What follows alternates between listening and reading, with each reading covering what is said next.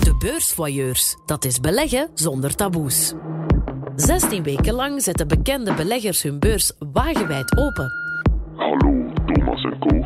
Tot u spreekt een wekelijkse luisteraar van de beursvoyeurs. Als ik tenminste niet op de plank sta. Zoals bijvoorbeeld Jacques Vermeijren Zeg, daar gaan we in beleggen. Maar jongens, dan heb ik patat gehad. of Michael van Peel. En nu zien we dat we terug de oude eh, formules gebruiken, de Europese Centrale Bank, namelijk een eh, renteverhoging om de inflatie tegen te gaan. Hebben we dan niks nieuws geleerd die afgelopen jaren? Of professor Roland van der Elst. Sorry dat ik dat zo zeg. Hè. Als je tien hebt, dan zal er één lukken en de negen andere mislukken.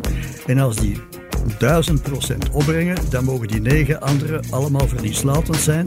Ik vind dat een zeer moeilijke markt om in te beleggen. En dit najaar doen we dat nog eens opnieuw. Wij brengen weken na week het beursnieuws dat ertoe doet. Helpen prangende beursvragen te beantwoorden en onthullen de geheimen van bekende beleggers. De beursvoyeurs. Dat is beleggen zonder taboes. Met host Thomas de Soete. Het nieuwe seizoen van de beursvoyeurs. Elke donderdag op tijd.be of in je favoriete podcast-app.